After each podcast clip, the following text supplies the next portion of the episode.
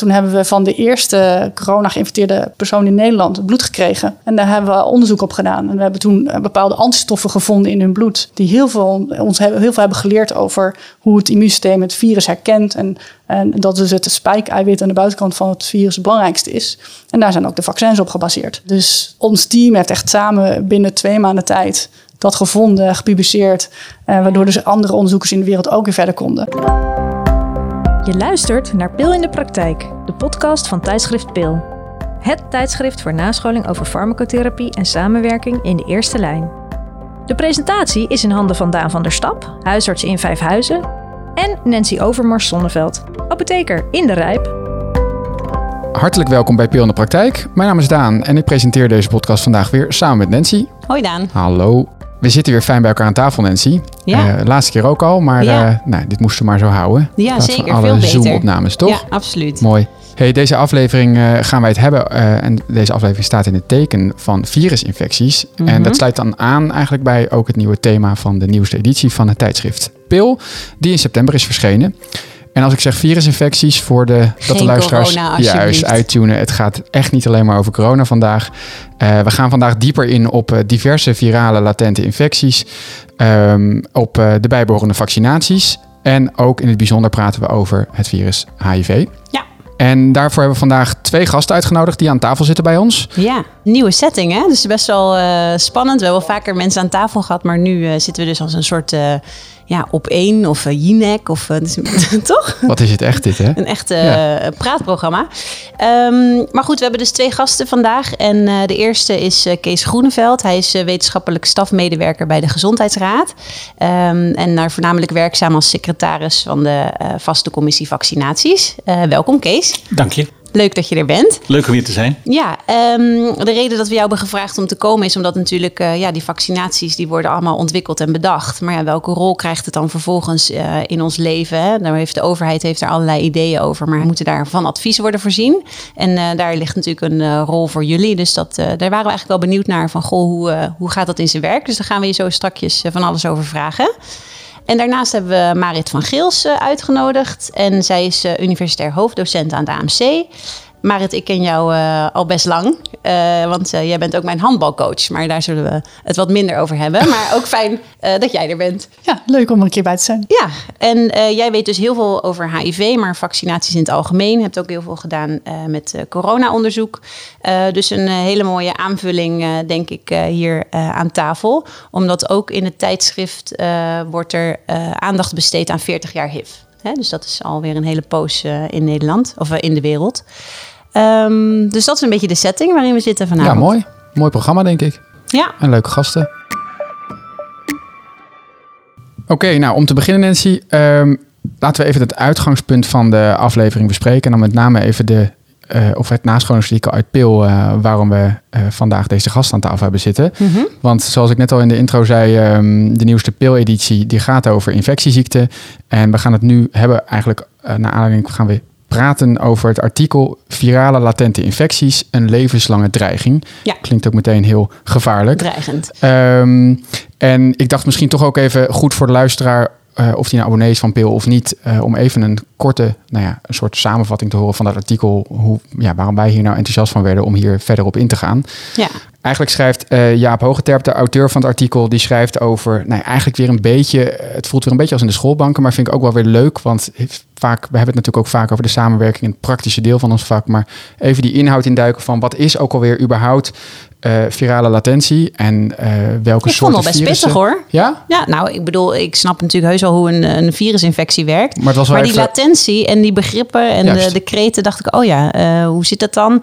En ehm, ja, Vond ik ook wel hoor. Ik bedoel, die, die, je weet, ik weet wat een latent virus is, maar als je dan weer de, het onderscheid leest wat de auteur dan beschrijft, van ook het verschillende, dat niet elk latent aanwezig eh, in het lichaam, een latent aanwezig virus of een, een virus dat überhaupt in het lichaam blijft, wat ook weer het verschil is tussen latentie, zoals dan veel wordt geschreven ook eh, in dit artikel, dat dat vooral de herpesachtige virussen Mhm. zijn die latent aanwezig blijven.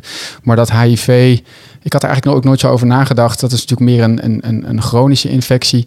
Eh, die, die niet echt latent wordt. Dat willen we natuurlijk wel, maar dat gebeurt dus niet. Maar het, wa- het was wel weer leuk voor mij dat ik denk, oh ja, daar zit toch een soort link tussen, maar ook weer niet. Ja. Nou eh, lang verhaal kort, ik vond het wel, wat jij ook zegt, die theorie, dat je dacht, oh ja, het is toch Ja. wel nuttig. Vooral als je dan een bruggetje maakt naar de eh, vaccinaties. Want er wordt gewerkt aan HIV-vaccinaties, er wordt gewerkt aan veel herpesachtige vaccinaties. Ehm, dat, of, of de varicella-vaccinaties. Dat vond ik wel leuk dat je denkt, oh ja, het is ook best wel nuttig als, als huisarts, als apotheker om dit weer even scherp te hebben. Waarom, nou ja, gewoon de basis van de, de, de theoretische achtergrond. Hoe werkt een vaccinatie? Want daar kunnen wij tenslotte vragen over krijgen, toch? Ja, Door- Van patiënten. Nou, en het grappige was ook, want we hebben natuurlijk ook eh, Marit uitgenodigd om hier dan eh, over HIV te vertellen. Maar zij had ook al gelijk weer vragen over eh, inderdaad waterpokken bij kinderen. En hoe zit het dan met de vaccinaties? En later op, hè, waarom vaccineren we die niet? En zeiden, nou, dat staat toevallig in het artikel. Dus zo kom je toch wel weer... eh, ehm, ja, toch weer steeds uit op eh, dezelfde eh, basiskennis eh, van die virale infecties. Maar dat dus in heel veel verschillende ziektebeelden naar voren komt. Dus inderdaad, die, die herpesvaccinatie wordt heel uitgebreid beschreven. En ook nou, de vaccinaties die daarvoor bedacht zijn. Ja. Dat het dus op latere leeftijd toegepast wordt. Maar ik wist bijvoorbeeld niet dat je dus inderdaad... Nou ja, dat je kon overwegen om ook inderdaad kinderen te vaccineren. Dat doen ze dan weliswaar niet in Nederland, maar wel in, in Amerika. Nou, vond ik wel grappig Ja. Stukje daarin. Voor ons goed om eh, als mensen met de poot in de klei in de dagelijkse praktijk weer even de, de theorie in te duiken met dit Ja. artikel. Ja, zeker. En naar aanleiding daarvan hebben we gedacht van... Goh, hoe gaan we dit eh, eh, in een podcastsausje eh, gooien? Ja. En toen kwamen we al vrij snel bij de Gezondheidsraad. En dat is misschien een, ja, een instantie waar we... eh, waar niet iedereen heel veel van gehoord heeft, totdat corona om de hoek kwam kijken. En toen wist ineens iedereen eh, eh, wat de Gezondheidsraad precies doet. Ja. Maar Kees, misschien wil je dat toch even kort vertellen. wat, nou, ten eerste wat jouw rol is binnen de Gezondheidsraad. En, en wat de rol dan is specifiek als het gaat om vaccinaties. Want de Gezondheidsraad brengt nogal wat adviezen uit. Maar we zitten hier natuurlijk voor de vaccinaties. Dat klopt. Eh, ik, ik begin liever met de Gezondheidsraad en dan kom ik wel vanzelf bij mij uit en mijn collega's uit. Ja. Eh, de Gezondheidsraad is het wetenschappelijk eh, adviesorgaan voor regering en parlement. En wij brengen dus inderdaad adviezen uit. Meestal gevraagde adviezen, soms ongevraagde adviezen. Ehm, en eh, die gevraagde adviezen komen dus meestal van ministeries af en een enkele keer uit de Tweede Kamer. In de vaccinatiehoek zit je bijna altijd met het ministerie van VWS als opdrachtgever. En eh, die, die sturen dus adviesvragen aan ons. En dan gaan wij aan de slag om daar een advies van te maken. Ehm, die, eh, we, zijn niet alleen actief op het terrein van de vaccinaties, maar ook op andere terreinen. We werken op het gebied van de zorg, eh, preventie en screening, waar dan de vaccinatie onder valt, voeding. arbeidsomstandigheden en de leefomgeving. Dus heel verschillende terreinen. Ja. Eh, Gezondheidsraad brengt dus adviezen uit en dat doen we bijna altijd met commissies. En daarin maken we een onderscheid tussen vaste commissies. De commissie vaccinaties is een vaste commissie, omdat er eigenlijk een voortdurend programma is aan vaccinaties waar we, of aan, aan onderwerpen waar we advies over uitbrengen. Ehm, andere adviezen, eh, commissies zijn tijdelijk. Dan komt er één specifieke aanvraag. Een commissie gaat aan de slag en als de, het advies uitgebracht is, wordt de commissie weer opgeheven. Ja. Want zelfs eh, COVID heeft natuurlijk enorm veel van jullie tijd eh, gekost. Maar Klopt. dat is dus naast jullie gewone werk eh, geweest. Dus daar is denk ik dan een tijdelijke commissie voor in het leven geroepen. Dat is, ja, en of die tijdelijk is, eh, hij Ja. is al anderhalf jaar tijdelijk. Dus Ja, dat, ja, dat is natuurlijk een beetje een rekbaar begrip. Commissie Ja. vaccinaties bestaat inmiddels 20 jaar of 10 jaar. Dus dat, is, dat is echt wel een vaste commissie.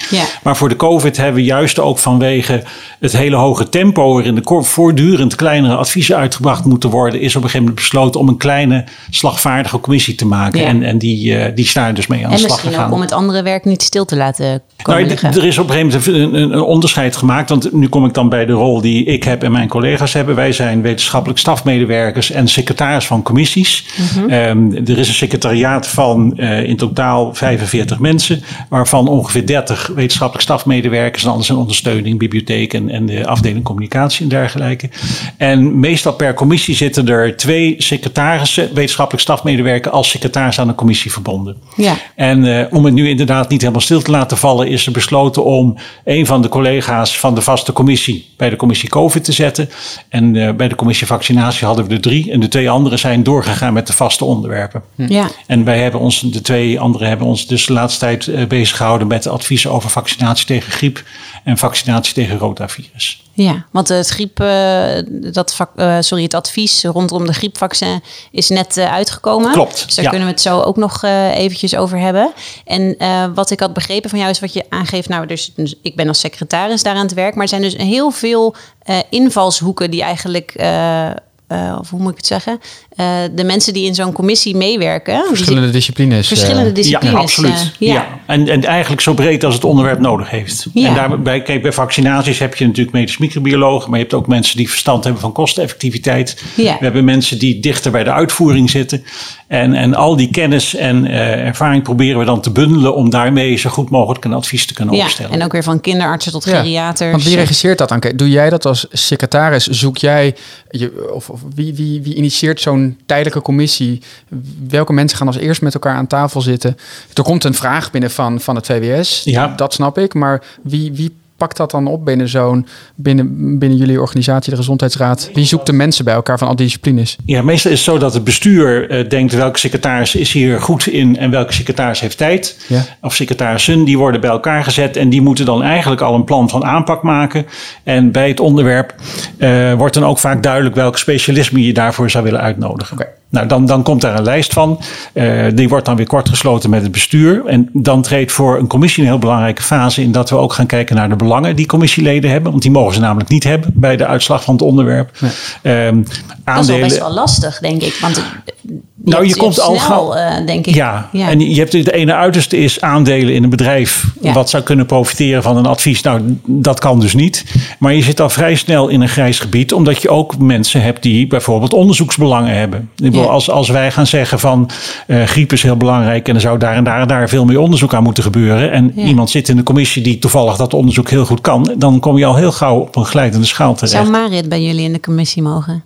Dat, dat ligt er heel erg aan de vraag, denk ik. En, en, en, en precies wat ze doet. Ja. Het is niet zo dat als mensen bijvoorbeeld een onderzoeksbelang hebben, dat ze dan automatisch al niet mee mogen doen hoor. Dan, dan kunnen ze ook nog geraadpleegd deskundige worden. Of permanent of, of tijdelijk. Dus Ja. er zijn wel wegen. Kijk, het grote verschil is dat leden mogen kiezen.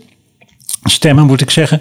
Ehm, en uiteindelijk in de laatste vergadering, als nou gezegd wordt van wat is nu het eigenlijke advies, dan worden de geraadpleegde deskundigen achter mond te houden en dan worden de leden geacht te praten. En Ja. op die manier kom je dan Misschien voordat we dan eh, in de eh, echte vaccinaties samen eens duiken, om wat voorbeelden te nemen van waar de Gezondheidsraad of waar jullie commissie de laatste tijd mee bezig is. Misschien ook leuk voor luisteraar om even nog van je te horen wat nou zo'n secretaris bij de Gezondheidsraad zoals jij bent van achtergrond dan is qua opleiding en werkervaring. Wat, wat is jouw achtergrond, Kees? Dat wisselt. Mijn achtergrond, ik ben een bioloog van huis uit. Hier in Utrecht medische biologie gestudeerd. En daarna ben ik eh, immunoloog geworden. En ik ben gepromoveerd in de medische microbiologie. En daarna heb ik nog verschillende tijdelijke onderzoeksbanen gehad. Ehm, en toen kon ik eh, bij de Gezondheidsraad terecht met uitzicht op een vaste plan. Wat ook wel aardig was in die tijd. En trouwens nou nog natuurlijk. Ja. Dus, dus, maar dit, eh, de achtergrond van mij en mijn collega's die wisselt nogal. Is Of verschilt nogal. Ja. Het is, het is heel wisselend. Ook gezien de, de, de onderwerpen die ik net noemde, dat zijn mensen met een wisselende achtergrond. Ja, Ja, logisch ook. Epidemiologen hebben er een aantal van en die zijn heel erg belangrijk bij onze adviezen om, om de onderzoeksresultaten goed te kunnen duiden. ja, Ja. Uiteraard. En verder iets waar je eigenlijk vrij weinig ervaring mee hebt. Dus als je komt, is dat het wel van belang is dat je een beetje een goed stuk kan schrijven. En logisch kan redeneren en uiteindelijk een mooi stuk kan schrijven. En dat, dat is iets wat je leert. Of, maar ja, soms helpt niet. onderzoekservaring natuurlijk, helpt daar wel. Niet dat elke onderzoeker nou per se heel goed artikelen kan schrijven, maar dat helpt denk ik dan wel. Of, Ja, dat helpt bij het schrijven, maar het helpt vooral ook bij het, bij het denken en kunnen interpreteren van wat er van Ja, ja. de wetenschappelijke Ja, ja. gegevens. Ja. ja, uiteraard. Ja. Ja, Kees, je gaf net al aan dat eh, eh, jullie opdrachtgever is dan vaak het ministerie van VWS. Eh, maar in de voorbereiding hebben we het even over gehad van goh, wie bepaalt nou wat er op de agenda komt te staan. En het is dus ook wel zo dat jullie kunnen aangeven van hé, hey, ik denk dat het belangrijk is dat hier aandacht voor is. Dus jullie moeten met elkaar tot een soort ja, plan komen. Of, Klopt, klopt. Daar hebben we een, een procedure voor afgesproken nu een aantal jaren. En die werkt naar mijn idee heel goed. Het ministerie bepaalt eh, wat wij gaan doen uiteindelijk. En dat is ook denk ik wel goed om nu te zeggen dat de Gezondheidsraad geeft een advies. Maar ook het ministerie bepaalt weer wat er met dat advies gebeurt. Als het ministerie zegt leuk advies, maar we doen er niks mee, dan is dat dus het einde van het verhaal. En het is niet zo dat wij bepalen wat er bijvoorbeeld in het Rijksvaccinatieprogramma komt. Dat Nee. doet het ministerie. Nee, want dat is natuurlijk een beetje. Ik, eh, in mijn hoofd had ik een beetje de link gelegd met OMT. Ik bedoel dat ik snap in, met coronatijd is ineens vaccinaties en, en eh, denkt iedereen er van alles van te weten. En dan heb je natuurlijk steeds, zaten we op tv en had het OMT iets geadviseerd. En dan werd de hele politiek wel of niet boos dat ze dat rechtstreeks hadden overgenomen. Nou snap ik dat jullie geen OMT zijn. Maar ik kan me wel voorstellen dat het een soort gelijke verhouding is. Toch? Dat jullie Nou, zijn de kennisbank. Ik denk dat wij er vooral voor moeten waken dat, het, dat er niet zulke dingen ontstaan. Dat wij niet als adviseur op het podium gaan staan dansen, maar dat wij adviseren aan de minister en dat Ja. de minister of staatssecretaris. Jullie willen veel meer op de achtergrond zijn natuurlijk. Dat moet, ook, want de OMT heeft natuurlijk eh, in de crisistijd gaat alles anders. Maar dat zeg je, wij willen eh, niet op het podium staan. Wij willen op de achtergrond expertise hebben en advies geven. advies, maar vooral op de achtergrond het liefst blijven. Precies, ja. Ja, kijk, en soms is het wel zo dat eh, de voorzitter van de Gezondheidsraad gevraagd wordt door de minister om een uitleg te geven of een publieke uitleg te geven. En nou, dat gebeurt dan ook. Maar Ja. in principe geven wij een advies en daarmee is het klaar. Ja, oké. En wat gaan jullie de komende tijd nog doen? Of hoe, want je zegt, we hebben daar een procedure We voor hebben een procedure. We hebben twee keer per jaar hebben we een overleg met de fabrikanten van vaccins. Mhm. Eh, en daar zitten bij, zoals ook ze bij de commissie zitten, mensen van het RIVM, van het Zorginstituut en van het College ter Beoordeling van Geneesmiddelen. Dan horen we dus informatie wat er aankomt. De organisaties die ik net noemde hebben zelf ook ingang. Die weten zelf ook wat er speelt. En bij ons zelf, de secretarissen, maar ook de commissie heeft ook soms voelhoorns en weet ook wat er komen gaat. Ehm, dan hebben we vaak volgend op dat overleg met de industrie hebben we een prioriteringsoverleg. Waarin dus de vier organisaties bij elkaar zitten met het ministerie erbij en zeggen nou wij denken dat dit de volgorde voor de komende jaren moet zijn. Dan gaat dat naar het ministerie toe. Die kijken dan nog wat er maatschappelijk speelt.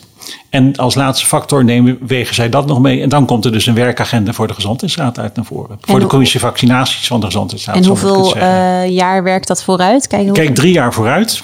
En vaak blijkt dat te lang. En daar bedoel ik mee dat vaak eh, na een jaar of na een half jaar zijn er dingen weer veranderd. En blijkt dat andere dingen eigenlijk eerder moeten of misschien wel later kunnen. Omdat er niet zoveel ontwikkelingen zijn als eerder Ja. werd gedacht. Ja, precies. Je kan denken van, goh, we moeten iets, her, moeten iets evalueren. Maar er is feitelijk niet zoveel gebeurd in de tussentijd. En dan- Precies, ja. precies. En, Ja. oh, we hadden het al eerder over COVID. Ik bedoel, dat had natuurlijk een enorme impact in, op onze werkagenda in het begin. Mhm. We hebben met de commissie vaccinaties een eerste groot advies gegeven over vaccineren tegen COVID. En pas daarna is die eh, commissie gekomen die eh, speciaal daartoe was, was eh, in- geïnstalleerd. Dus dat had direct impact op onze werkagenda. En, en nu Ja. nog steeds zie je dat wel dat dat af en toe gebeurt. Ik vraag me echt af voor de werkagenda. Zijn er bijvoorbeeld ook wetenschappers die bijvoorbeeld komen met bepaalde informatie en data. Waar jullie dan eh, ook denken, oh dit is interessant, hier moeten we misschien ook op de agenda zetten. Of, is- of gaat het alleen maar via het RIVM eh, en vragen vanuit het ministerie? De formele lijnen zijn RIVM, college en, en, eh, en, en de industrie. Ehm, maar als een, als een wetenschapper mij een bericht zou sturen en zegt let eens op, want daar gebeurt echt iets wat voor jullie van belang is, dan, dan zal ik dat meenemen of direct naar het prioriteringsoverleg of eerst via een bespreking in de commissie en dan daarna naar het prioriteringsoverleg. Ja. Want weet jij dat dan, Marit, als wetenschapper zo in het AMC, eh, zijn er onderling, heb jij het gevoel, contacten met de gezond? Weet, weet men wie je moet mailen als je dan toch in één keer iets ontdekt dat je denkt, Eureka, hier moet wat mee. Stel, jij vindt een HIV-vaccin eh, uiteindelijk. Dat zou natuurlijk prachtig zijn. Dat zou heel prachtig zijn. Maar we- weet jij dan inderdaad, als jij denkt, die, natuurlijk publiceer je dat. En ik neem aan dat ook Gezondheidsraad, RIVM mensen natuurlijk met veel interesse de nieuwste publicaties lezen om op de Ja, hoogte via te blijven. Twitter Maar- hebben we net geleerd, hè? of via Twitter hoorden Ja. we in de voorbereiding van je. Maar eh, hoe, hoe gaat dat dan in de praktijk voor Nancy en mij? Eh, hoe, Ja, hoe benader jij dan? Ik zit natuurlijk meer, meer in de fundamentele basis, eh echt de basic research kant. En daar kijken we gewoon heel snel naar hoe ontwikkelen we vaccins. En dan worden die later natuurlijk in klinische studies getest. En daar bemoeien we ons al minder mee. Nee, precies. Eh, dus Dus daar meer de, de collega's die de klinische studies doen, die dan misschien die lijntjes zouden ja, dus dat zich uit de historie doen we dat, eh, hebben we dat eigenlijk nooit gedaan. Maar nu met corona, ik heb ook heel veel onderzoek gedaan naar eh, coronavaccins en hoe mensen reageren op een coronavaccin. Eh, bijvoorbeeld wat voor soort antistoffen maken ze, hoe goed zijn die antistoffen. En dat advies is wel rechtstreeks bij de Grondheidsraad terechtgekomen. Eh, dus ik was wel benieuwd van, ja, gebeurt dat dan vaker? Of is dit gewoon alleen maar door corona zo Door gegaan? crisis- en uitzonderingssituatie. Ja. Ik, ik denk dat, het, dat dit een uitzondering is. En dat is vooral om wat je net aangaf. Dat het eh, voor de gezondheidsraad pas eigenlijk eh, interessant is niet het goede woord. Want het is ook interessant wat er meer bazaal gebeurt. Maar van belang wordt, hoe staat het in de klinische trials? Want wat er daarvoor gebeurt, nou dat weet jij beter dan ik. Er zijn er allerlei manieren en redenen waarom iets kan sneuvelen voordat het in een klinische trial terechtkomt. Ja, jullie willen een hoger level of evidence voordat jullie... eh, Nou ja, je moet überhaupt een product hebben, denk ik. Je, je moet Ja. een product hebben en je moet weten wat het product doet. Voordat je een advies kan geven of dat wel of niet bijvoorbeeld in het Rijksvaccinatieprogramma terecht kan komen. Ja. Ja. En je gaf ook aan van, goh, of het in het Rijksvaccinatieprogramma komt, dat besluit uiteindelijk dus het ministerie. Maar jullie doen ook wel de kosteneffectiviteit uitzoeken. Dus dat is echt een groot onderdeel van, van jullie advies. Ja, een groot, het is een van de onderdelen en niet het grootste. En, en ik zal uitleggen waarom. Uh, voor ons is meer van belang, is de aandoening belangrijk genoeg om überhaupt te gaan nadenken of je daar mensen in Nederland tegen zou willen vaccineren.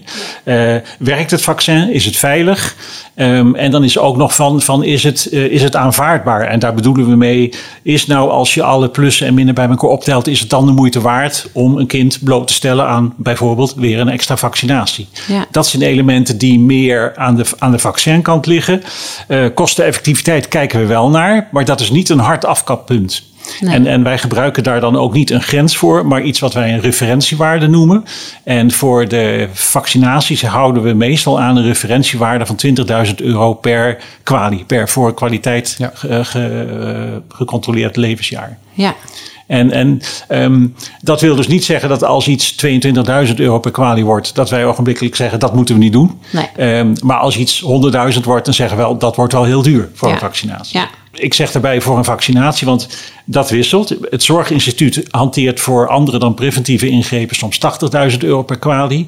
En als je gaat kijken naar bloedtransfusie, weer een hele andere tak van sport. Daar geven we soms een miljoen euro's per kwalie uit Ja. met de testen die we doen voor bijvoorbeeld HIV. Oké, en dan maken we even een bruggetje naar eh, nou, uh, wat, vac- wat voorbeelden van vaccins waarvan de Gezondheidsraad de afgelopen jaren dus, of waar jullie commissie uh, advies over heeft gegeven. En dan wou ik als eerste, het wordt ook in het nascholingsartikel waar we vandaag over praten, uh, genoemd, de Shingrix-vaccins, de varicella-zoster-vaccins uh, voor ouderen. Uh, en daar heeft de Gezondheidsraad al een paar jaar geleden um, eigenlijk een positief advies naar het ministerie van VWS gegeven om dat in het Rijksvaccinatieprogramma op te nemen. Wat Nancy en ik van tevoren voor de podcast nog bespraken, dat we daar eigenlijk ook wel ergens verbaasd, verbaasd over waren, waren. omdat. Ja. Uh, nou, vervelend. Die oude mensen met flinke pijn. Ik, ik spreek ze ook in mijn spreekkamer. Het kan echt flink leesbepalend zijn, dus ik snap het. Maar ze zijn wel duur. Die ja. tenminste, ik heb een keer individueel een voor een patiënt besteld op eigen verzoek. En toen dacht ik zo. En jij hebt ook wel een anekdote aan mij verteld van een mevrouw Ja. die dat voor haarzelf en haar partner. Ja. Uh, daar zullen we zo nog even verder over praten. Maar um, nou, toch wel grappig om te zien dat jullie daar dan vrij snel uh, uit waren als gezondheidsraad. Van dat is gewoon wel zo effectief. Dat gaan we in het Rijksvaccinatieprogramma opnemen. Nou ja, adviseren dat dat of een goed idee dat is. gaan we toch? adviseren. Dat Toch, precies. Kees? Ja, goeie. Ja, nee, precies. Dan worden we. maar goed, dat is dus wel overgenomen. En dat ja. gaat dus vrij snel ook al wel gebeuren. Ja, 2022 uh, staat dus ook in uh, dit artikel dat het in het Rijksvaccinatieprogramma zit. Dus nou ja, we moeten onze borst denk ik nat maken. Want ik denk dat aan jouw balie en in mijn spreekkamer. Ja, meestal toch... wordt voor het Rijksvaccinatieprogramma wordt mijn balie redelijk uh, ontzien meestal. Maar ja, uh, jij zal het ja. misschien druk krijgen, geen idee. Ja, ik ben ook benieuwd bij Want, jou. Uh, als er dingen uit het programma zijn, dan gaan, dat kan natuurlijk ook op advies van jullie zijn. Ja, maar dat is tot nog toe gebeurt dat eigenlijk niet. Nee. Het, is wel, het is wel leuk dat je dat vraagt, want een van de onderwerpen waar we eigenlijk nu in de afgelopen vergadering mee zijn begonnen, dat is het onderwerp herziening van het vaccinatieschema van het RVP. Um, en dat zou ertoe kunnen leiden dat je anders gaat prikken. En, en okay. dat je bijvoorbeeld, uh, nou, je neemt, je neemt de, de, BMR. En dat je gaat zeggen, nou, die BOF zou wat later moeten eigenlijk. Of de rode hond zou wat eerder moeten. Dat we op die manier gaat de commissie dus kijken van moet er iets aangepast worden in het, uh, in het vaccinatieschema. En dan zou er in theorie ook iets uit kunnen vallen. Ja, we, we hebben dat wel gehad met de vaccinatie tegen HPV. Toen dat begon in 2009, geloof ik dat het was. Toen was het drie prikken voor meisjes mm -hmm. van 13 jaar. En dat is toen later voor de, voor de meisjes van 13. En, en zo is dat inderdaad uh, teruggebracht naar twee prikken per jaar. En voor oudere meisjes is dat op drie blijven staan. Dus op die oh ja. manier, er gaat wel wat uit. Met maar dat mee. is toch. Ja, ja. ja. Nou, en dan uh, nog uh, recenter de, het, uh, het advies over de influenza-vaccins, want daar is ook het een en ander in veranderd. Klopt. wat me opviel was in ieder geval dat ook zwangeren gevaccineerd gaan worden. Ja, dat, Vanaf dat, 22 weken was het, toch? Ja, maar hoofd? dat is weer dat stukje wat we in een eerdere podcast hadden besproken over dat dan pas het actief transport op, op gang komt. Hè? En dan anders heeft het geen zin om die vaccins toe te dienen. Ja. Nou, dat, dat, ligt dus aan het doel van de vaccinatie. En, en dat haakt aan bij, bij het advies. Uh, de commissie heeft bij de vaccinatie van zwangere vrouwen onderscheid gemaakt tussen drie doelen die je met de vaccinatie zou kunnen beogen. Dat is bescherming van de zwangere vrouw zelf, mm -hmm. uh, verbetering van de zwangerschapsuitkomsten, dus tegengaan van vroeggeboorte bijvoorbeeld, en bescherming van het kind van 0 tot 6 maanden, want die komen sowieso niet in aanmerking zelf voor een vaccinatie. En eigenlijk bleek uit de resultaten dat met name dat laatste, dus de kinderen van 0 tot 6 maanden, dat daar, dat, dat het doel van de vaccinatie zou moeten zijn. Oké. En dan kan je dus beter, wat je net zei, later in de, vaccina in de zwangerschap, Zwangerschap. gaan vaccineren. Om te zorgen dat er nog voldoende eh, antistoffen in het pasgeboren kind zijn. Om dat kind die moeilijke periode door te helpen. Ja, ik zie Marit heel erg knikken, want volgens mij hebben jullie dat ook met corona hebben jullie dat heel erg onderzocht, toch? Of was dat? Oh, je hebt moedermelk eh, Ja, maar voor corona zijn we op dit moment bezig met onderzoek om te kijken naar vaccinatie en ook in welke periode van eh, de zwangerschap eh, hoe goed de antistoffen dan over worden gebracht naar de baby. En dan kijken we bijvoorbeeld ook in het navelstrengbloed na geboorte hoeveel antistoffen daar nu eigenlijk in zitten eh, tegen corona. Eh, en dan kun je ook zien of dus het vaccin eh, effectief was en ook of het dus effectief is om het eh, kind te beschermen de eerste zes maanden. En is zulk onderzoek dan ook gedaan voor eh, griepvaccinaties? Er is eh, op het gebied van vaccinatie en zwangerschap, of eh, vaccinatie tegen griep en zwangerschap, is heel veel onderzoek geweest. Ehm, en dat is er ook al heel lang hoor. En tot nog toe heeft de Gezondheidsraad eigenlijk altijd gezegd: eh, vaccinatie van zwangere vrouwen vinden wij geen goed Beetje idee. spannend altijd. Of zo. Nou, daarom, ja. daar zijn we in Nederland best terughoudend mee. Er is een kleine uitzondering geweest in, ten tijde van de Mexicaanse griep. Toen hebben we wel ook een korte tijd gehad dat ook zwangere vrouwen werd geadviseerd zich te laten vaccineren. Maar dat is tot nog toe dus eigenlijk weer altijd niet zo geweest. Eh, en nu dus vanwege die pasgeboren kinderen. Ja. Eh, want we hebben ook gezegd, de vac- zwangere vrouwen zelf eh, worden vaker dan niet-zwangere vrouwen in het ziekenhuis opgenomen met griep. maar niet op de IC. En het overlijden is ook niet ernstiger bij zwangere vrouwen. Dus er wordt wel geprofiteerd waarschijnlijk Dat van de vaccinatie. maar dat is niet zo dat is eigenlijk de gedachtegang. Ja. ja. Ja, oké. En ehm, nou, vanmorgen op de radio eh, hoorde ik dus dat er eh, stemmen opgingen om dus ook kinderen eh, het griepvaccin te geven met als, middels een neusspray.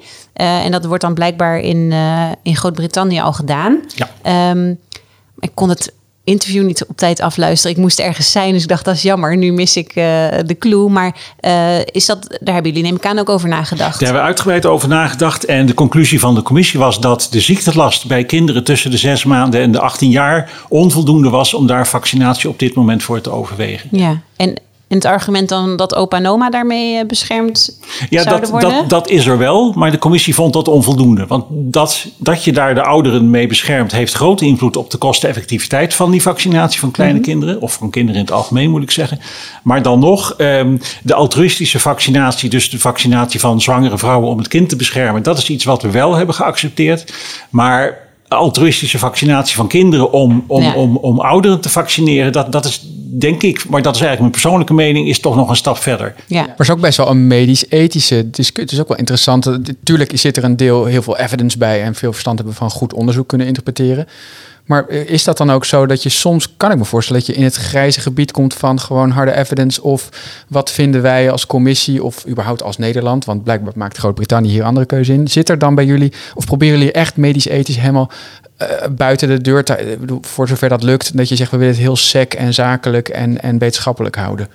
Nee, nee dat, ik denk dat dat om te beginnen helemaal niet lukt. Nee. En ik denk dat dat in veel adviezen juist ook heel goed is om daar aandacht aan te besteden als dat nodig is. Kijk, Ja. of, of iets ehm 80% werkt of 90% werkt, ja, dat, dat is een getal en daar Ja. kan je wat mee of niet. Maar het zijn juist die medisch-ethische dingen die het vaak. Je kan het niet alleen maar epidemiologisch, je moet ook de medische ethiek precies, meenemen. Ja, ja. En dat is ook wel een van de punten eh, waaruit, waaruit je soms ziet dat er in Nederland een andere beslissing wordt genomen dan in een ander land. Want medische, medische-ethische dingen zijn toch voor een behoorlijk deel, kunnen die verschillen tussen verschillende landen. Ja. En dan wil ik niet zeggen dat het tussen Engeland en Nederland zo verschillend is hoor, dat ze daarom wel de, de kinderen Mhm. zijn gaan vaccineren. Maar ja, wij zijn daar tot nog toe dus voorzichtiger mee. Ja, maar goed, je ziet natuurlijk gewoon eh, eh, binnen Europa zie je überhaupt een andere manier van hoe we naar medicatie kijken en hoe we naar gezondheid kijken. Dus Ja. ik snap op zich We wel dat toevallig dat. de laatste podcast hiervoor nog eh, Ja, over gehad. ja, ja, precies. Ja, de andere interpretatie Ja, van, eh, van Want eh, in hoeverre zijn er eh, samenwerkingsverbanden met andere? bestaat een structuur als de gezondheidsraad in ieder land? Of, of is dat. In sommige landen zijn er organisaties die heel sterk lijken op die van ons. Bijvoorbeeld in Engeland heb je de GCVI en de Joint Committee on Vaccination and Immunization. En die lijken sterk op ons en die zijn ook veel groter. En, en dus die kunnen soms dingen sneller doen dan wij dat kan, kunnen. Eh, andere landen is dat minder, maar het is wel zo dat er binnen de eh, ECDC in Stockholm, European Centers for Disease Control, is er een samenwerkingsverband tussen alle organisaties die lijken op de gezondheidsraad, zeg maar. Anders zou het zonde zijn wat je zegt, zij waren sneller. Dan gaan ze niet achterom kijken en uh, haha, wij waren sneller, toch? Ik bedoel, het is ook het idee dat je elkaar een beetje dan op weg helpt met informatie en dat je van Absoluut, elkaars adviezen ja. eh, kan leren. En dat gebeurt Ja. kort. De Engelsen zijn daar heel goed in. En gelukkig na de brexit zei, is Groot-Brittannië ook wel bij dat samenwerkingsverband in Stockholm gebleven. Oh, dus daar, ja. dat is nog echt een mooie partner daarbij. Maar je ziet ook in het advies over de griepvaccinatie. en er is ook een hoofdstuk wat gaat over de ontwikkelingen op het gebied van de vaccins tegen griep. Want er zijn veel ontwikkelingen. Maar eigenlijk, ehm, de commissie was aarzelend over die ontwikkelingen en heeft zich daarbij voor een groot deel gebaseerd op juist een product van de ECDC. Die hebben een systematic review gemaakt, dus een verzameling van alle wetenschappelijke publicaties over al die verschillende nieuwe griepvaccins. En die zeggen nu nog niet, we gaan over tijd kijken of het dan beter is en dan misschien wel. En dat heeft de commissie overgenomen. ja. Want als je dan kijkt naar die nieuwe ontwikkelingen in de griepvaccinatie, eh, maar ook bijvoorbeeld wat het WHO natuurlijk altijd als advies geeft, welke varianten van het griepvaccin, eh, welke varianten griep moeten er in het vaccin komen, bepaalt de WHO.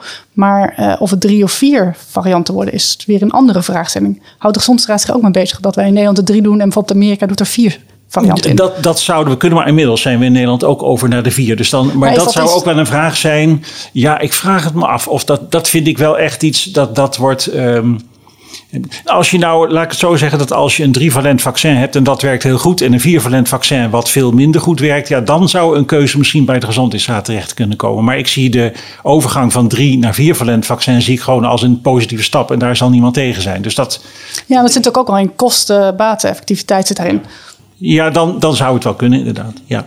Goed, Kees, dan nog een laatste vraag over de, mm, eh, griepvaccinatie dit jaar. Ehm, ehm, het kwam voor huisartsen, zag gezegd, ik heb een hoop gemopper van, we mogen ook graag mopperen met elkaar. Dat houdt het werk ook een beetje draaglijk in een zwaar COVID-jaar achter de rug. Eh, jullie advies kwam laatst in het nieuws over de griepvaccinatie en de uitbreiding van kleine risicogroepen erbij. En eh, nou ja, heel veel huisartsen hebben stenen en benen geklaagd bij ook de Landelijke Huisartsvereniging over de timing daarvan. Nou snap ik ook dat jullie ja, kunnen niet met alle organisatie rekening houden, maar dat kwam net voordat de uitnodiging eigenlijk allemaal de deur bij ons uitging in de huispraktijk. En alle bestellingen al gedaan. En alle waren. bestellingen al gedaan waren, want dat moeten wij altijd in juli al doen. ehm, eh, kwam dat advies in het nieuws. En eh, nou ja, zoals eh, vaker gebeurt, en dat, dat hoort erbij. Maar net als in COVID-tijd moest ik dus inderdaad 's ochtends op nos.nl met mijn bakje muesli lezen dat de Gezondheidsraad dit advies. Toen dacht ik, daar gaan we. En dan ging ik eh, vlot naar werk. En ik heb dus van heel veel huisartsen gehoord. En dat neem ik jullie dan niet kwalijk. Maar ik ben toch benieuwd, hoe, hoe gaat dat met zo'n timing? Is dat nog dat, Covid. iets, iets waar de Gezondheidsraad over nadenkt? Of denk je gewoon, ja, als wij weten hoe het zit, dan presenteren wij het aan VWS en dan pakken journalisten dat op en dan helaas, helaas komt het die dag op. En hoe werkt dat? Als het kan, houden we daar rekening mee. En, en daar bedoel ik mee dat we, dat we weten dat wanneer de bestellingen voor de griepvaccins en dergelijke de deur uitgaan, dan proberen we daar dus rekening mee te houden en het advies daar op tijd dus aan, aan, eh, aan te passen en uit te brengen. Eh, soms lukt dat en soms lukt dat niet. Wat, wat we dit jaar wel gedaan hebben, of bij dit advies wel gedaan hebben, is dat een van de mensen van het RIVM al vooruitlopend op het uitbrengen van het advies in gesprek is gegaan met huisartsverenigingen om te kijken of, er- of daar nog aanpassingen in te maken zijn. Dat is dus iets een, ja, minder ideaal, maar dat is wat er nog geprobeerd is.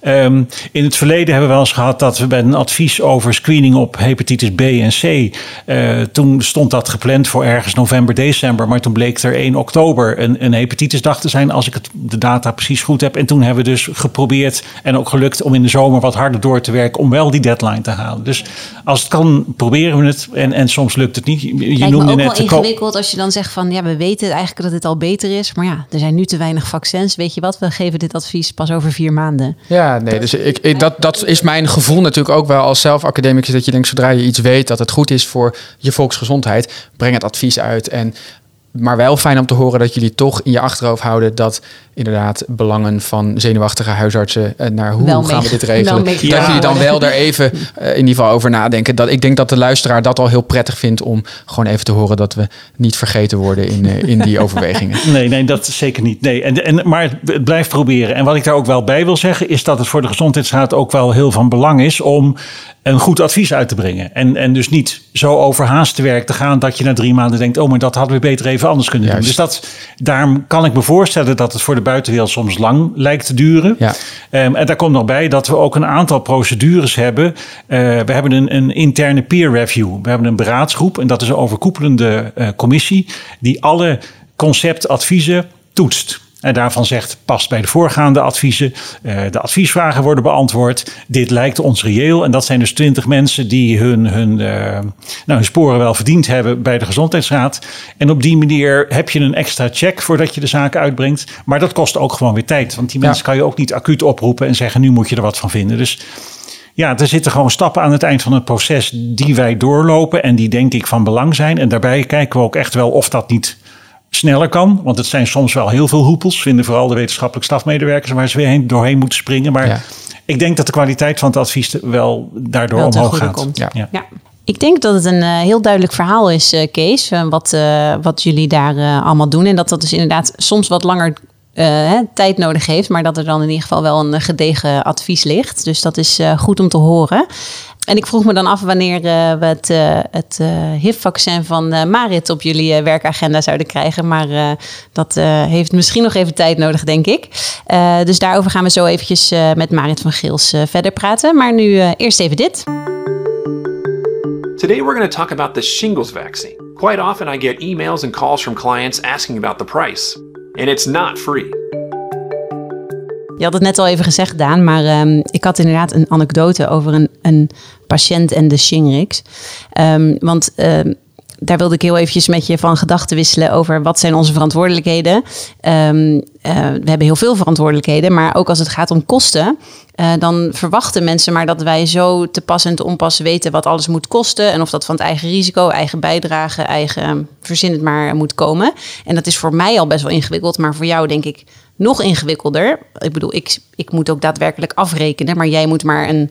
Ja, ik, heb, geen, ik heb geen pinautomaat in de praktijk. Nee, nee, precies. En dan kijken patiënten wel eens geschrokken als ze toch een keer iets moeten afrekenen omdat ze op eigen verzoek een vaccinatie willen. Ja. Heb je er geen pinapparaat? Dan denk ik, ja, jeetje, moet ik van die markten ook wel thuis zijn? Ja, nou ja, wij hebben dus wel een pinautomaat. Maar er kwam dus een, een vrouw en die wilde de Shingrix. Die had ze ook keurig besteld bij de huisarts. Ja. En de assistente had ook wel gezegd, nou, dat kost dan ongeveer 100 eh, euro. Dus uh, nou, per vaccinatie. Uh, Jouw assistent of die van de huisarts? De huisartsassistente. Okay.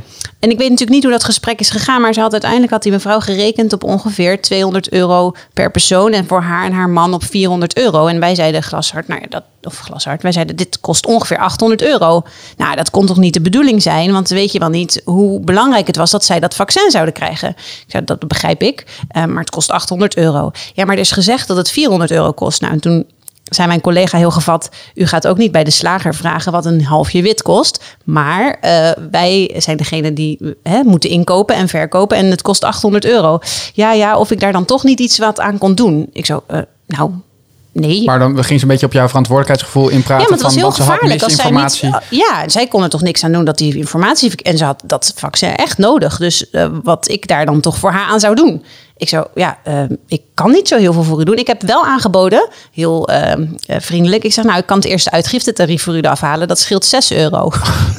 ik zeg, maar dat is ongeveer hoe ver ik kan gaan voor u. Ja, nou, oké. Okay. Maar wilt u er dan toch nog even over nadenken? Nou, ik vond het zo bizar. Maar goed, dat deed me dus wel maar een beetje denken. denken. er dus nog steeds over na. Dus nou, heeft dit, toch er zin. Het, uh, ze, ik weet eigenlijk niet of ze het uiteindelijk afgehaald heeft. Dat is wel een goeie, moet nog even nakijken. Maar ik dacht dus wel... Het is lastig in ieder geval. Hè? Want zij bedoelt het natuurlijk ook... We doen een beetje gekscherend over tuurlijk. deze klant. Maar het is voor haar natuurlijk ook gewoon ronduit vervelend. Ja. Maar het is wel lastig. Wat jij zegt, dat, dat dilemma... Ik herken het wel hoor. Net, die dilemma's Nou ja, je- over... Moeten we, ja, hoe ver moeten we gaan in... Ook die assistent van de huispraktijk. Moet je die dan op de flikker geven? Of ja, hoe ga je daar nou mee om met die vragen Maar kosten? überhaupt, eh, kosten. Ehm, als je iets la- laat kweken, dan ben je ook eh, zo 100 euro verder. En ga je dat dan met iedereen van tevoren bespreken? Ja, of als jij, dus. of Nee. als jij iets voorschrijft, dan eh, ga je toch, weet je toch ook niet of een seretide discus eigenlijk best wel 80 euro kost? Nee, nee. Ehm, nee ik, ik probeer daar natuurlijk wel aan de spreekkamer. En soms doe ik dat volgens mij wat meer dan ik zou willen of moeten. Omdat ik denk, je hebt meer te doen. Maar ik probeer toch met mijn patiënten, waarvan ik weet dat ze eh, eh, minder ruim hebben financieel, mee te denken en uitleg te geven over eigen risico. Terwijl ik weet het, dat het officieel niet mijn taak is. Maar ja, dat is altijd weer de zachtheid van huisartsen. Dus dat zegt natuurlijk dan ook eh, volgens mij op het ministerie registrerend. Ja, maar die huisartsen moeten ook gewoon beter hun eigen grenzen bewaken. Want ze zijn inderdaad altijd overbelast. Maar ja, weet je, je zit wel met een mens tegenover je die wanhopig Ja. zit van wat kost het dan dokter? Is het een wijze beslissing?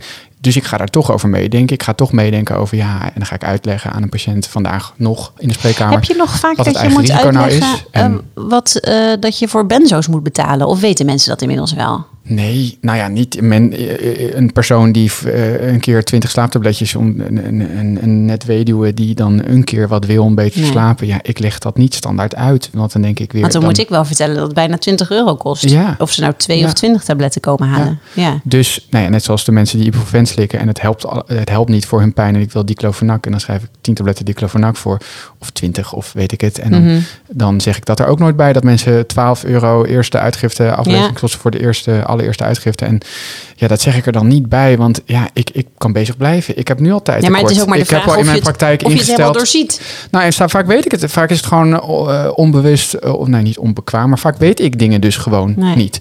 Ik weet Nee, moet je niet proberen wat uit te leggen kost. aan En ik- iemand met die... de eigen bijdrage van bepaalde incontinentiemateriaal. Ik weet, Oh ja, weet nou, daar moet je helemaal weet- niet over beginnen. Nee, Maar bijvoorbeeld eh, dexamfetamine, dan denk je, nou, de mensen moet je dan uitleggen dat er eh, de eigen bijdrage, die kan je weer terugvragen via terugbetaalregeling. Nee, dat is iets anders dan de eigen, eigen risico. En nee, zit het in het basispakket, dan gaat het er wel vanaf. En als u iets preferenties afgeleverd krijgt, hoeft u alleen de afleverkosten te betalen en niet het geneesmiddel zelf. Maar wat als het niet leverbaar is, daar kan ik toch niks aan doen? Nee, ik ook niet. Het is heel en nu weer ingewikkeld. dit jaar met de ene zorgverzekeraar wil voor een...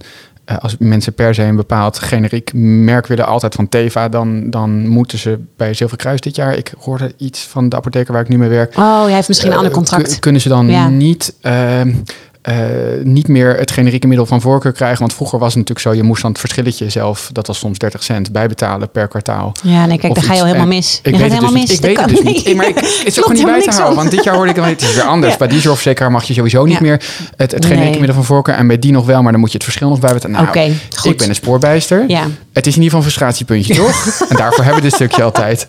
Dan ben ik blij dat we elkaar weer hierin Nee, vinden. Goed, maar eh, eh, dan even een oproep aan de huisartsen. Ik vind het niet erg om gebeld te worden om erover te praten. Mocht, hè, om, om, niet ik wil om, er niet over praten. Nee, nee. eh, dan, is- dan ga maar ik je dan dus, moet je dan dan- bel ik je s'avonds terwijl je met je kinderen aan het avondeten zit. Want Ja. dan kom ik er eindelijk eens aan toe om dit Ja. soort dingen nog te vragen Ja. aan je. Maar goed, uiteindelijk, ik heb het nog even, omdat Ja, we dit onderwerp gingen bespreken, net nog even opgezocht. Hoe zit het nou? Wij zijn dus als zorgverleners, ook in het ziekenhuis, daar hebben rechtbanken, eh, in 2018 zijn er een paar eh, zaken geweest van geschillencommissies. En, en de rechtbank in Den Haag heeft ook een uitspraak gedaan. Eh, dat was dan een conflict met een, een, een ziekenhuis eh, en een patiënt eh, over kosten. Wij zijn dus wel verplicht Wel. om, helaas, en ik denk, jeetje, waar hou ik de tijd vandaan? Om dus voor onderzoeken die we inzetten, wat jij zei, zoals de urinekweek, om de patiënt te vertellen wat dat onderzoek kost. Niet dat je dat elke keer hoeft te doen, maar de patiënt heeft wel gelijk als hij achteraf klaagt van dat had je tegen me Ja. moeten zeggen. Ehm, maar wij zijn niet verantwoordelijk om uit te leggen of, het, of iets van die kosten vergoed wordt door de Ah. zorgverzekeraar. Zo zit het juridisch. Maar dat is het enige wat de patiënt wil weten. Ja, dus ik denk dat wij onszelf ook moeten beschermen door te zeggen, nou, ik kan best voor u eh, opzoeken wat het kost. En als wij echt denken, sorry, maar ik heb meer te doen. En dan toch daar, en ook al je personeel, daar dus in uitleggen van, leg het nou zo uit. Zet als steeds meer huispraktijken doen dat, een link naar de, je, je streeklab Ja, of het precies. laboratorium wat Ja, bij jou daar kan je de prijs op zoeken. En de microbiologie, zet de prijs, eh, prijzen gewoon op je website of een link naar, naar de microbiologie website, wat daar steeds vaker gewoon netjes eh, Ja. eh, eh, ja, publiekelijk op staat. En dan maar daarnaar verwijzen. En dan is het, maar ja, dan kom je weer, maar daar gaan we het andere keer wel over hebben, over die 10% van Nederland die laaggeletterd is. Ja. Die mensen wil je toch helpen, maar eigenlijk heb je geen Tijd. Dat is het toch. Fijn dat we weer even konden klagen. Volgende onderwerp. Marit, superleuk. Ik heb gewoon gewacht tot er een keer een onderwerp was waarvoor ik jou kon uitnodigen. Eh, en ik ben blij dat je er nu zit. Ehm, de aanleiding is dus dat eh, ja, HIV eh 40 jaar eh, in Nederland is. En er is nogal wat gebeurd. Eh, er staat dus een, eh, een kort tijd eenzetting eh, in het tijdschrift Pil. Ehm, en jij doet dus onderzoek naar vaccinaties, maar jouw grootste aandachtsgebied is, is HIV. Ehm, kan je een beetje meer vertellen over jezelf? Ja, dus dit jaar is dus eigenlijk de viering van 40 jaar HIV. Maar eigenlijk mag je het dus niet echt een viering noemen. Nee. Het is natuurlijk heel vervelend dat HIV nog steeds een groot probleem is. wereldwijd, ook in Nederland eigenlijk nog steeds.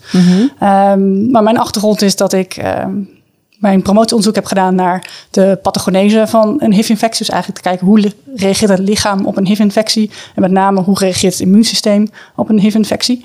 En daar hebben we heel veel van geleerd over wat voor soort antistoffen maken we nou tegen het HIV-virus. En daaruit kunnen we dus heel veel leren hoe gaan we nou zo'n vaccin maken. Zodat dezelfde soort antistoffen kan opwekken, waardoor je dus bescherming krijgt tegen een HIV-infectie. Nou, dat is allemaal heel leuke woorden. Uh, in 40 jaar tijd hebben we nog niet heel veel grote stappen gemaakt eigenlijk. We hebben heel veel stappen gemaakt, yeah. maar nog niet de stappen om bij de Gezondheidsraad bijvoorbeeld terecht te komen. Nee, nee, precies. Um, en zelfs dit jaar is er weer een grote studie, een klinische fase 2 studie, is eigenlijk de ene laatste grote studie om te kijken of een vaccin echt op de markt zou kunnen komen uh, van, het, van uh, Janssen, Johnson Johnson. En daar is laten zien dat hun vaccin voor HIV uh, geen effect heeft. Yeah. en dus zijn we eigenlijk weer bij, terug bij af. En moeten we weer opnieuw beginnen met preklinische studies. En weer opnieuw bedenken waar, waarom heeft het nou niet gewerkt.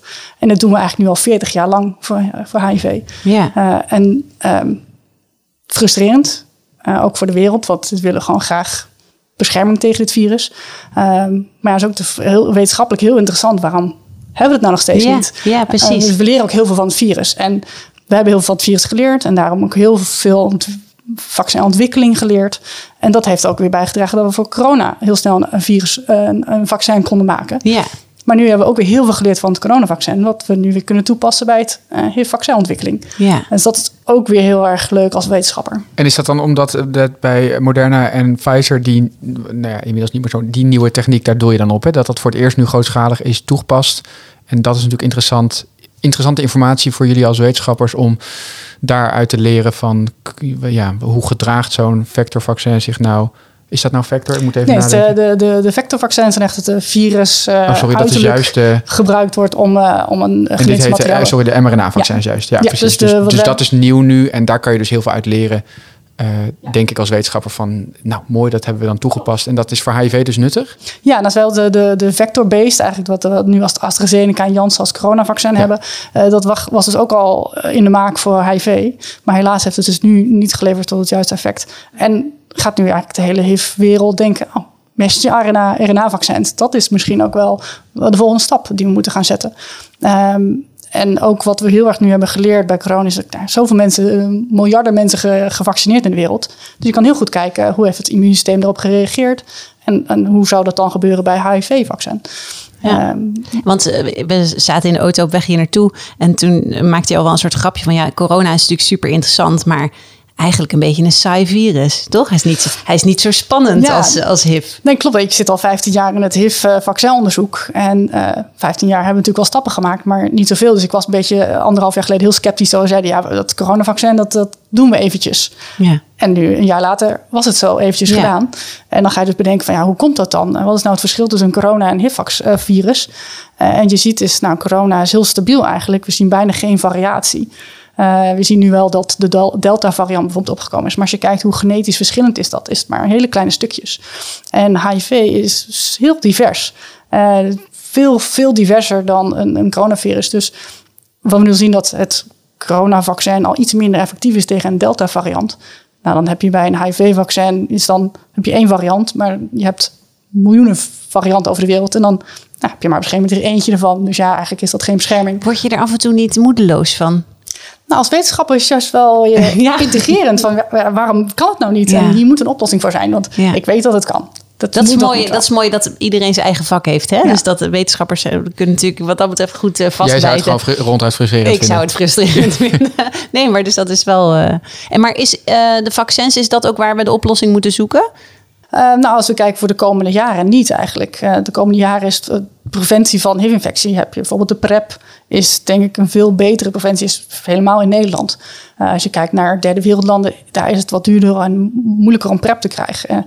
maar daar er uh, zijn ook andere dingen, dus gewoon uh, ontwikkeling, uh, educatie, yeah. voorlichting is daar heel belangrijk. Dan speel jij daar ook een rol in, Marit? Want ik weet dat de GGD natuurlijk wel veel onderzoek doet nu met, de, met de PrEP en steeds meer GGD's in Nederland. is natuurlijk in Amsterdam begonnen, de eerste trial. Maar speelt jouw onderzoeksgroep daar, of dan weer collega's, maar dat is ook wel vanuit AMC uh, dat die tak wordt opgepakt aan onderzoek? Wordt zeker ook opgepakt. Ja, het is niet mijn onderzoek, maar er wordt zeker nog onderzoek naar gedaan. Ook over uh, long acting, of die dan ook gebruikt kunnen worden als PrEP of uh, andere manieren van preventie. Ja. Maar jij kijkt meer naar de, jij wil ja, het vaccin. Jij wil de Nobelprijs. Ja, ik ben meer een immunoloog en ik wil graag een vaccin hebben. Ja. ja. Ja. Eh, en datzelfde eigenlijk ook nog steeds voor het influenza of griepvaccin. Dat we nu ieder jaar nog steeds moeten krijgen. Maar waarom is er nog geen universal uh, griepvaccin, zoals we dat noemen? Ja. Want griep verandert ook over de tijd. En wat zou zij de verschillende varianten daarvan? Welke stop je erin in welk seizoen?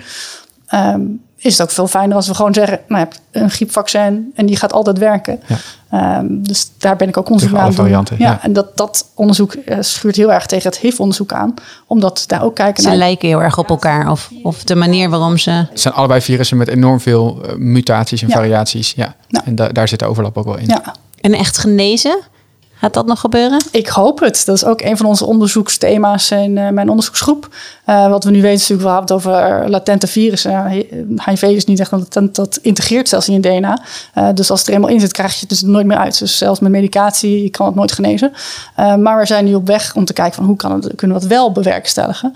En um, een van de manieren is dat ik, wat we nu aan het kijken zijn, is om te kijken naar hoe kunnen we nou bepalen welke virussen latent geïnfecteerd zijn met HIV. die dus uh, hoe die kunnen aanpakken. Uh, heel interessant, maar alleen maar over theorieën. Hoe gaan we dat aanpakken, weten we nog niet. Uh, maar dat is juist ja. het, ja, ja, ja. Dus jij ligt, doen. Ja, ik weet, ik deed onderzoek uh, 100 jaar geleden. En toen was ik altijd heel erg onder de indruk uh, van mijn, uh, nou ja, van het hoofd van de onderzoeksgroep daar. En die zat dan in zijn vrije tijd lekker zat hij met een glaasje wijn voor de open haard met al die onderzoeksartikelen. Dus ehm, volgens mij moet je als echte wetenschapper moet je daar gewoon heel erg blij van worden om, ja, om daarover maar na te denken. Ik, ik denk en, dat het geen toekomst, uh, het al geen dromen zijn. Ik denk dat het wel echt uh, gaat gebeuren dat we een HIV-genezing kunnen gaan krijgen. Ja. Uh, maar dan kom je ook weer bij de vraag, wat misschien nog Ronald Raad later ook over gaat zeggen van. Um, Welk doel heb je daarmee? Ja, bedoel, ja, want dan kan je het genezen, maar die gaat misschien toch weer oplopen. Uh, en hoe ga je dat dan weer aan? Ga je iedereen continu maar genezen, wat we nu bijvoorbeeld bij hepatitis C ook met behandeling hebben ja, die behandelt ze. En even een paar jaar later hebben ze toch weer opnieuw opgelopen. En het is een dure behandeling. Ja. Uh, dus in het, bij HIV zitten we ook te denken van ja, straks kunnen we ze genezen. En dan lopen ze het weer op. Ja. Dus Hoe gaan we daar? Prep blijven geven. En dan... Ja, dan, dan, dan, dan ben je ze genezen en dan gaan ze prep gebruiken. Ja. Dus dan, daar zit ook nog wel wat uh, ethische dilemma's. En, en ja, het is voor mij een heel leuk vraagstuk. Hoe, hoe kunnen we het genezen? Maar dan komt daarna bij de volgende te liggen met hoe gaan we dat dan eigenlijk toepassen in ja. de praktijk. Ja. ja. En dat het nog relevant is, dat is duidelijk. Hè? Want je vertelde hoeveel, hoeveel mensen gaat het nog om ja, in Nederland? Wereldwijd hebben we bijna 38 miljoen mensen die geïnfecteerd zijn met HIV. En in Nederland zijn het, uh, er stond in een artikel volgens mij van 24.000. Dus uh, niet veel. Maar ieder jaar komen nog steeds nieuwe uh, diagnoses bij.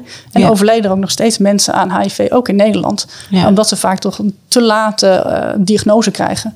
Ja. dus Nederland naar nul is een heel belangrijk thema, ook in, uh, voor HIV-veld. Uh, ja. uh, hoe krijgen we Nederland naar nul? Dat we nooit meer nieuwe diagnoses hoeven te stellen in Nederland. Maar dan moeten we wel bepalen, waar, waar zijn eigenlijk die mensen die we dus die HIV-infectie hebben opgelopen, Ja. maar die we niet gelijk in het zicht hebben. Eigenlijk eh, bron- en contactonderzoek. Ja, maar Ja. dan eh, bij HIV proberen we dat bij de GGD. Ja. Maar dat, er zit te veel lange tijd tussen om te bepalen Oh, waar de die latentie, bron nou. ja, die Ja, periode. is- de, de, de, dat het, de Dat is ziekte... vaak bij IV-drugsgebruikers en bij veel wisselende sekspartners. eh, Kom er maar eens achter hoe, waar iemand het heeft opgelopen. Ja, helemaal omdat het natuurlijk soms pas naar voren komt na enkele jaren. Dat ze Ja. eh, symptomen krijgen en dat dus eh, de diagnose wordt gesteld. Ja. Nou, dat kan natuurlijk niet. Nou, of in ieder geval. Ja, dus Ja. dan kan je, ja, bron en contact wordt dan heel lastig. Ja, ja. zeker. Eigenlijk geldt net zo goed voor jou als eh, voor Kees dat jullie eh, hele werkveld eh, ondersteboven gegooid is toen corona de kop opstak. Ehm, en jij hebt toen ook echt eigenlijk met het hele lab de hele boeg omgegooid en bent daarmee aan de slag gaan en ook heel succesvol.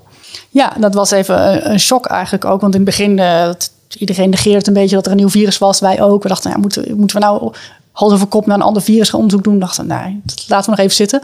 En toen opeens was het lockdown. Eh, we mochten niet meer aan ons eigen onderzoek werken. Iedereen moest thuis zitten. Oh, je kon überhaupt niet op het corona ja, gingen werken. Precies. En toen dachten we, ja, we hebben zoveel kennis in huis over eh, hoe reageert het lichaam op een virus, hoe kunnen we dat onderzoeken.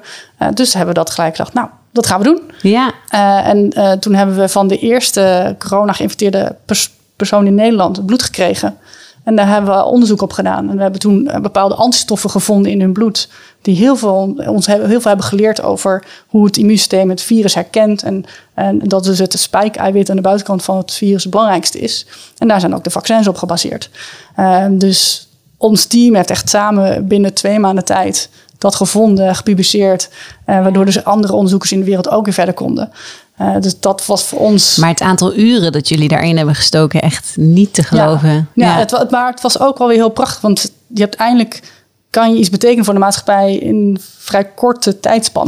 Terwijl normaal wat wij doen als HIV-onderzoekers, dat komt misschien over tien jaar, dat het misschien door de markt komt, hopelijk als we heel snel zijn. Mm -hmm. uh, maar het heeft nooit gelijk effect op de maatschappij. snel resultaat, dat is ook ja, wel dat, dat je ook voelt dat wat je hebt gedaan ook belangrijk is voor de maatschappij. Niet alleen omdat ik het leuk als onderzoeker vind. Mm -hmm. um, en, en dat wat we ook verder hebben daarna hebben gedaan, is om te kijken bij mensen die het coronavaccin hebben gekregen, hoe goed reageren ze op het vaccin en, en um, wat uh, vooral bij mensen die bijvoorbeeld al corona hebben gehad, was het dan belangrijk, krijgen ze één dosis, moeten ze twee prikken krijgen. Ja. En we hebben toen ook gekeken naar mensen die corona hadden gehad uh, toen helemaal begin in maart 2020. Of dat ze het een maand voordat ze hun coronavaccin hadden gekregen. En hoe reageert het dan? Hoe goed was het vaccin? Ja. En toen zagen we eigenlijk dat na één prik het heel goed was. En die tweede prik eigenlijk niks meer deed bij die mensen. Dus dat hebben die data ook weer bezorgd bij de Gezondheidsraad en andere instellingen. En uiteindelijk is daar dus ook een advies uitgekomen dat mensen zelfs een, langer dan zes maanden na ja, hun infectie precies. nog maar één prik hoefden te krijgen. En dat was voor mij als onderzoeker wel een soort... Heel gaaf om op ja. nos.nl... Ja, nou, niet, zeggen, ja. niet alleen nos.nl, maar ook dat je denkt, nou... Ja, maar überhaupt het, is, het ja. ook ermee komt, maar dan is het ook, ja, het lijkt me heel anders dan dat de jarenlang leuk zoeken naar de puzzelstukjes voor HIV, om dan zo concreet in korte tijd ja, meerdere en, keren en heel veel voor mensen in de maatschappij kan, ja, kan kunnen betekenen. Daar, en hoe was dat internationaal? Want ik bedoel, iedereen over de hele wereld was ermee bezig en er werd volgens mij meer dan normaal samengewerkt. Maar zo'n advies uh, uh, om dan wel of niet een tweede prik te geven, dat wordt dan toch in ieder land afzonderlijk weer ja, onderzocht en bekeken. Ja, dat is toch wel wat we toch zeggen op nationaal niveau wordt er bepaalde beslissingen genomen. Dat heeft ook te maken met kost en kosteffectiviteit. En welke vaccins zijn er op dat moment beschikbaar? Mm-hmm. Uh, hoeveel vaccins zijn beschikbaar? In Nederland was best wel een tekort aan vaccins op dat moment ook. Ja. we dachten, dus nou, daar waar dus... het kon, wil je gewoon ja. uh, met minder af. Ja, dus dan, dat was, werd echt op nationaal niveau uh, bekeken. Maar ik denk dat misschien Kees daar al beter iets over kan zeggen. Maar dat was voor mij als onderzoeker echt wel, ook wel leuk om te zien zien dat er gelijk iets met je onderzoek wordt gedaan. En ja. dat het iets betekent voor de maatschappij. Ja, ja mooi hoor. Was er nog iets wat je, jullie in die tijd, want je zei we mochten toen in het begin bij de eerste lockdown alleen maar nou ja, naar werk, uh, fysiek op werk komen als we dus uh, onderzoek deden in de, in de hoek van corona. Hebben jullie later nog iets van combinatie kunnen maken van of mensen met HIV dan vatbaarder zijn? Want er wordt in het artikel ook wel kort wat over genoemd in Peel. Uh, hebben jullie daar ook nog dus op het AMC mee bezig gehouden? Ja, we zijn uh, in het AMC. Amsterdam UMC, sorry. Ja, ik, wou net al zeggen, het Amsterdam UMC officieel. Uh, we, we volgen we echt al tien jaar lang HIV geïnfecteerde mensen. Ja. En hebben we nu ook gekeken naar, is daar dus een verschil? Hebben die vaker corona opgelopen of niet? maar die zijn ook vaak eigenlijk veel terughoudender in contacten geweest. En uh, dus zag ik dat er minder infecties waren en ook dat ze niet zieker werden. En dat waren vooral de mensen met die HIV-infectie die goed onder controle waren ja. met medicatie. Um, maar nu doen we ook een studie om te kijken hoe goed hebben ze gereageerd op een vaccinatie. Ja. Omdat we weten dat bij uh, HIV-geïnfecteerden, vooral de langdurig geïnfecteerden op therapie, het immuunsysteem toch nog wat achteruit gaat. Um, om te kijken, ja, is dat die achteruitgang negatief voor de reactie op het vaccin? Of ja. is het, en we zien eigenlijk geen verschil. Dus dat was ook positief nieuws voor mensen met een HIV-infectie. Ja, want helpt mij en de andere luisterende huisartsen die, die, die denken, hoe zit het ook alweer? Die, die, die coronavaccinaties, heb je daar nou vooral de B-cellen die antistoffen aanmaken of is het T-cel gemedieerd? Dat zijn de B-cellen. De B-cellen maken antistoffen. Terwijl maar die... T-celprobleem bij HIV-patiënten ja. zit. Maar dan toch? Ja, want Wat er is daar een, nog een gedachte achter? Want ik denk dus inderdaad B-cel is voor het vaccin en T-cel kan je... Nee, dus het is een interactie tussen B en T-cellen. Dus een B-cel maakt de antistoffen, maar die heeft een T-cel nodig om gestimuleerd te worden om te zeggen, hey B-cel, je moet actief uh, antistoffen ja. gaan maken. Dus zegt die, die interactie dus die tussen T en kan bij mensen met langdurig gif dus een beetje Dus daarom zou in theorie dat minder kunnen zijn. Dus, en, uh, dus een T-cellen zijn minder goed in het uh, activeren Juist. van de B-cellen. Nou, maar het leuk om te horen wat de combinatie nou ook is die je dan weer eigenlijk tussen HIV en, uh, en COVID hebt gemaakt, ook afgelopen jaar. Hoe ziet de komende jaar, denk je, voor jou er nu uit? Ga je weer vol op de HIV of blijf je toch ook nog je met COVID bezighouden? Ja, de COVID wordt wel een beetje afgebouwd nu. Het is ook dat het, nou, de vaccins zijn er. Iedereen is straks gevaccineerd. Weinig echt fundamentele onderzoeksvragen nog daar. Ja. Uh, meer over het algemene immuunsysteem. Maar dan is het ook wel weer voor ons heel leuk om terug te gaan naar HIV. Want daar zit echt nog de uitdaging om een vaccin en een genezing te krijgen. Ja. Want het heeft gewoon gedeeltelijk, dat staat ook in het artikel, maar dat is ook waar. Het heeft een gedeeltelijk wereldwijd gewoon, heeft het HIV-onderzoek helaas dus wel wat vertraging opgelopen door eigenlijk een jaar door COVID. Ja, zeker. Maar nu moeten, moeten jullie de draad weer oppakken. Ja, dus, en daar heb ik ook heel veel zin in om mee te doen. Leuk, leuk. En Kees, hoe is dat voor, voor jullie? Want je had het net al over de drie jaar agenda eh, van de Gezondheidsraad, die ook volgens mij voor de geïnteresseerde luisteraar op jullie website eh, altijd is in te zien. Dat klopt. In ieder geval voor jullie commissie. Wat staat er eh, voor jullie nu eh, vooral op de agenda? Er staan eigenlijk, je kunt de onderwerpen eh, in twee hoofd, een hoofddeling maken in twee onderwerpen. De reguliere onderwerpen en de COVID-gerelateerde onderwerpen, zoals we dat genoemd hebben. Ehm, en dat maakt gelijk ook dat het voor mij enigszins lastig is om te zeggen wat ik over een jaar aan het doen ben. Ehm, nu liggen alle COVID-gerelateerde onderwerpen bij een speciale commissie die daarvoor is geïnstalleerd. Ehm, en doen wij, en dat is dan de commissie vaccinaties, de andere onderwerpen. Maar het idee is wel dat op een gegeven moment de, de COVID-gerelateerde onderwerpen ook weer bij de commissie vaccinaties komen te liggen. En dan zal ik me daar dus ook weer meer mee bezig eh, zal- eh, gaan houden. Ja.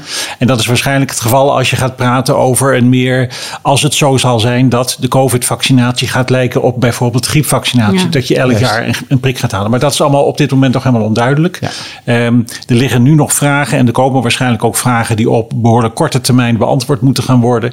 En zo lang blijft denk ik die eh, ad hoc commissie ook nog bestaan. Dus Leuk. Dus het is wat eh, ongewisser dan denk ik ook nog, maar eigenlijk ook bij jullie door COVID, logischerwijs, is het allemaal wat minder ehm, Voorspelbaar. voorspelbaar ja, dan dat het klopt. normaal dat was. klopt. Ja, en dat, en dat vind ik ook geen enkel probleem. Dat vind ik wel boeiend om te kijken wat er nu wel aankomt. Want ook de onderwerpen die op de reguliere agenda staan, dit is over meneer B-vaccinatie, eh, hepatitis eh, A en B-vaccinaties, zijn ook onderwerpen die ik heel interessant vind en die denk ik ook belangrijk zijn. Leuk.